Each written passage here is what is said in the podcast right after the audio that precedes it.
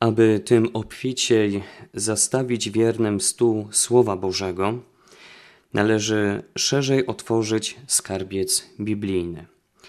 Zaleca się bardzo, by homilia, w której w ciągu roku liturgicznego przedstawia się na podstawie świętego tekstu tajemnice wiary i zasady chrześcijańskiego życia, była częścią sprawowanej liturgii. Słowami Konstytucji o liturgii świętej Soboru Watykańskiego II witam Was, drodzy słuchacze, w kolejnej katechezie poświęcanej ożywianiu wiary w parafiach. Przy mikrofonie ksiądz Łukasz Tlauka.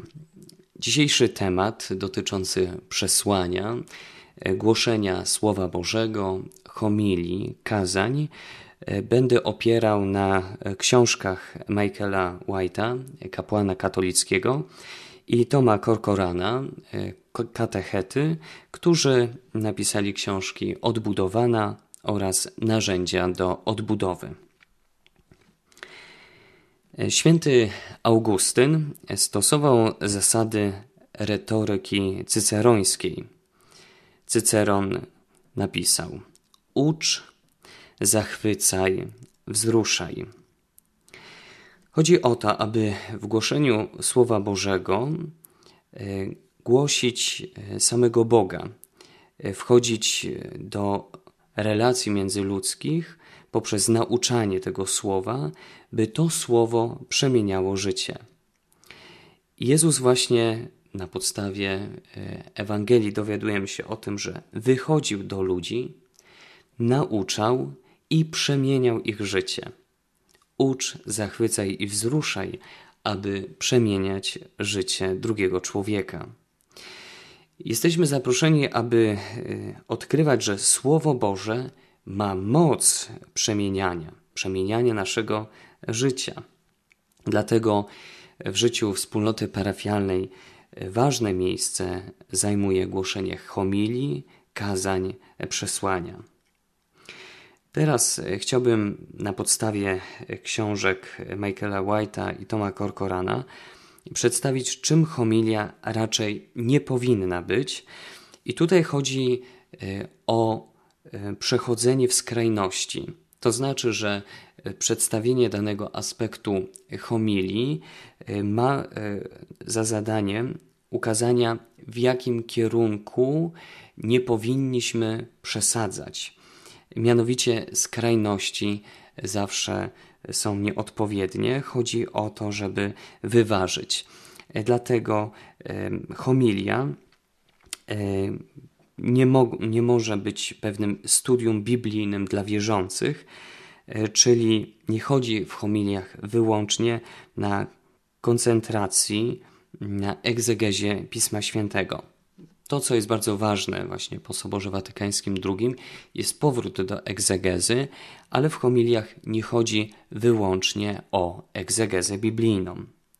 Następnie homilia to nie kościelne pogaduszki dla kościelnych pań. Czyli homilia nie powinna się odznaczać wyłącznie pogawędkami, plotkami czy, czy też anegdotami. Następnie homilia to nie kazanie dla seminarzystów. Nie chodzi więc tutaj o wyłączne przedstawianie niuansów teologicznych, anegdot liturgicznych, czy też nawiązywania wyłącznie do historii chrześcijaństwa. Homilia to nie jest wyłącznie przekonywanie przekonanych, czyli wyważanie otwartych drzwi. W tym aspekcie homilii chodzi o to, że ludzie słyszą to, co chcą, a nie to, co powinni usłyszeć. Różnica jest między tym, co chcą słyszeć e, słuchacze, a tym, co powinni usłyszeć.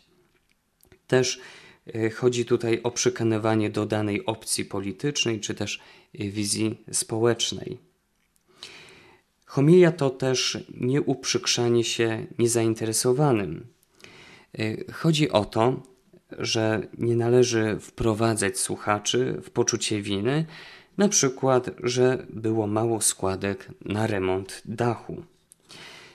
Homilia to nie prześmiechy, czyli ciągłe żarty, historyjki, recenzje filmów czy też książek. Homilia to nie efekciarstwo, czyli zbytnia koncentracja na artyzmie tego, który głosi. Kapłan może być bardzo utalentowany, jeżeli chodzi o śpiew, taniec, histori opowiadanie historii, ale zbytnia, y, zbytnie ukazywanie artyzmu jest również zbytnim koncentrowaniem się na głoszącym, zamiast na tym, czego dotyczy głoszenie. Homilia to nie szynka konserwowa, czyli głoszący sam nie wie, co głosi i używa trudnych słów, których sam nie rozumie. Homilia to nie odgrzewane kotlety, czyli powtarzanie tego samego, e, co już było wcześniej powiedziane. E, homilia to nie powiedzmy, że głoszę kazanie, czyli taka homilia, gdzie głoszący jest nieprzygotowany, nie ma wizji i który głosi frazesy, które są jak bańki mydlane, które, które szybko znikają. Spowie, y, kolejno homilia to nie publiczna spowiedź, czy też publiczne przechwałki, czyli chodzi o tutaj na koncentrację na własnych troskach i zmartwieniach, y, czy też chwalenie się swoimi osiągnięciami. W końcu homilia to nie zostańmy przyjaciółmi, e, czyli głoszenie tak homilii, że wszyscy są przyjaciółmi. E, wtedy Ewangelia jest związane wyłącznie z dobrym samopoczuciem i szczęśliwością, i nie jest głoszone to, co ludzie mają e, odnaleźć w relacji z Panem Bogiem, ponieważ ludzie mają szukać Boga, a nie dobrego wyłącznie samopoczucia. Przedstawiłem więc y, przykłady, gdzie y, homilia nie powinna być wyłącznie studium biblijnym dla wierzących, kościelnymi pogaduszkami dla kościelnych pań, kazaniem dla seminarzystów, przekonywaniem przekonanych, uprzykrzaniem się niezainteresowanym, prześmiechy, efekciarstwo, szynka konserwowa, homilia to nieodgrzewane kotlety, Kolejny sposób to powiedzmy, że głoszę kazanie, homilia to nie publiczna spowiedź, czy też publiczne przechwałki i w końcu homilia to nie zostańmy przyjaciółmi. Dobre głoszenie Słowa Bożego związane jest z dyscypliną, warsztat, e, który trzeba doskonalić, aby się stać dobrym rzemieślnikiem, dotyczy też tych, którzy głoszą. Mają ćwiczyć swój warsztat głoszenia Słowa Bożego, aby stawać się dobrymi głosicielami, dobrymi rzemieślnikami Słowa Bożego. Trzeba się więc dobrze przygotowywać do każdej homilii. W dziejach apostolskich w rozdziale szóstym odkrywamy, jak apostołowie e, mają być oddani modlitwie i posłudze słowa. Słowo ma moc. Sam Bóg stwarza świat poprzez słowo. Nasze słowa mogą burzyć i budować. Słowo Boże jest jak miecz obosieczny, który jest w stanie oddzielić duszę od ciała. Słowo ma moc, ponieważ Mojżesz poprzez głoszenie słowa sprawia, że e, jest ingerencja Pana Boga, który zsyła plagi egipskie. Piotr mówi słowo, które uzdrawia chromego żebraka. Ezechiel przemawia do kości, ponieważ słowo ma moc. Można doświadczyć mocy działania Słowa Bożego. Owocne głoszenie wyzwala moc Boga we wspólnocie. To słowo głoszone może przemieniać życie każdego parafianina. Jakie więc są kroki do lepszego głoszenia? Po pierwsze, głoś do siebie. Słowo ma przemieniać przede wszystkim głoszącego. Słowo głoszone, ten, który głosi, ma wcielać w swoje życie Słowo ma być żywe, żywe wśród tego, który głosi. Następnie głoś do wspólnoty i głoś na wielu poziomach.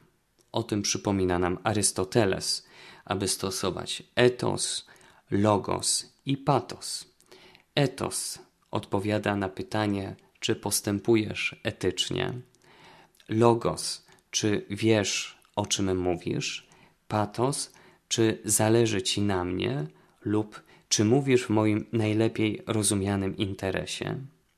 Dlatego bardzo ważne jest w tym głoszeniu do wspólnoty poznawanie słuchaczy i nawiązywanie z nimi więzi emocjonalnej. Tę więź emocjonalną możemy, możemy budować poprzez e, odpowiednie poczucie humoru, a także nawiązywanie do trudnych sytuacji, które e, przeżywają wierni w danej wspólnocie i w danym czasie. Oprócz głoszenia do siebie, głoszenia do wspólnoty, ważne jest, żeby głosić jedno przesłanie. Dlatego istotne jest posiadanie programu, zharmonizowanie homilii, jeżeli chodzi o kapłana, czy też wielu kapłanów, czy też diakonów, którzy, którzy głoszą Słowo Boże. Ważne jest, aby głoszący mieli ten sam kierunek. Następnie głoś przesłanie w cyklach. Chodzi o to, żeby posiadać jeden motyw przez kilka tygodni, jeden cykl i wchodzić w treść e, e, danego tematu. I może to być oczywiście zharmonizowane z rokiem liturgicznym. Na przykład Adwent, e, cykl homilii głoszonych w Adwencie czy też Wielkim Poście może dotyczyć nawracania, zbliżania się do Pana Boga przeżywania sakramentu spowiedzi. Następnie głoś cel przesłania, głoś przemiany życia. Chodzi o to, żeby zastanowić się, w jakim miejscu jest słuchacz i do jakiego miejsca Bóg chce go doprowadzić. Gdzie jest słuchacz i gdzie Bóg chce go doprowadzić. Następnie głoś owocne przesłanie, czyli co chcesz, żeby wierni zmienili w swoim życiu, co chcesz, żeby wiedzieli i co chcesz, żeby zrobili. Chodzi więc o posiadanie odpowiedniej wiedzy oraz działanie, działanie, które powoduje, że wspólnota parafialna owocuje. W tym głoszeniu owocnego przesłania istotne jest rozróżnianie na tych, którzy są już wtajemniczeni, którzy są na drodze bycia uczniem Pana Jezusa i na niewtajemniczonych, którzy jeszcze nie doświadczyli głębi wiary. Jeżeli chodzi o wtajemniczonych, to jest e, głoszenie polegające na e, zapraszaniu ich do coraz większego owocowania, a niewtajemniczonych do zbliżania się do Jezusa, poznawania Go. Następnie głoś komunikaty, czyli e, chodzi tutaj o to, jak parafia będzie funkcjonować, jak funkcjonuje przed i jak będzie funkcjonować po danym głoszeniu. Czyli ukazywanie tego aspektu przed, jak i po danym cyklu głoszenia. Głoś bycie uczniem Jezusa, głoś podejmowanie konkretnych kroków, aby stawać się uczniem Jezusa i głoś przemianę życia, Słowo Boże może przemienić Twoje życie.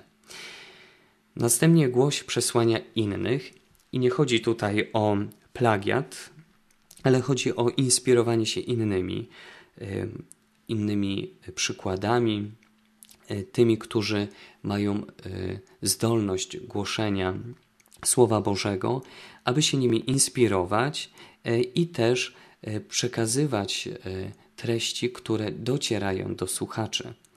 E, to korzystanie z innych autorów, e, inspirowanie się innymi e, ma uświadamiać nam, że jesteśmy w jednej drużynie.